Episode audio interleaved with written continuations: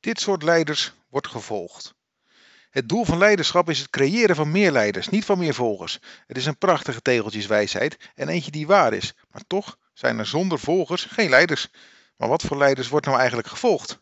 Ten eerste zijn dat leiders die ongelijk durven hebben. Want je kunt niet altijd gelijk hebben, ook niet als leider.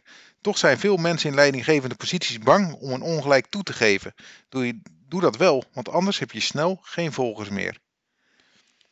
Leiders die jou het gevoel geven belangrijk te zijn. Want een manager geeft jou, het, geeft jou het gevoel dat hij belangrijk is. En een leider geeft je het gevoel dat jij belangrijk bent. En dat is een essentieel verschil, want een leider weet dat hij niet zonder de anderen kan. En een manager doet vaak alsof hij dat wel kan. En dat is de reden dat mensen niet per se vertrekken van hun baan, maar wel vertrekken van hun baas. Leiders die luisteren. Goede leiders luisteren meer dan dat ze spreken. Daarvoor heb je twee oren en één mond. Ze horen hun mensen aan en tonen interesse. Echte oprechte interesse. Want ze willen niet dat jij weet wat zij denken, maar ze willen weten wat jij denkt. Andere leiders die gevolgd worden zijn leiders die anderen in de spotlight zetten. Slechte managers krijgen de credits voor de punten die het team scoort. Goede leiders geven de credits aan het team. Hun ego staat ze niet in de weg om degene die het verdienen in het zonnetje te zetten. Hun ego hoeft niet te groeien, maar ze laten het vertrouwen van anderen groeien. Leiders die om hulp vragen.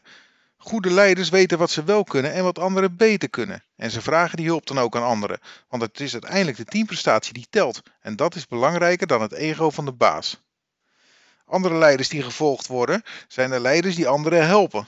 Want slechte mannen managers die branden hun team af. En goede leiders ontsteken het vuur in hun team.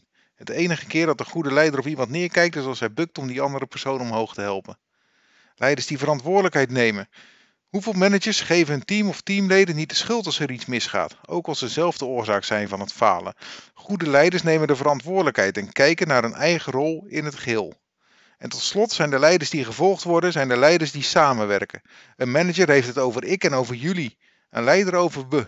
Een manager spreekt over zijn medewerkers. Een leider over zijn collega's. Een manager moedigt zijn team aan. En een leider pakt het touw en trekt mee. En dat is het grote verschil.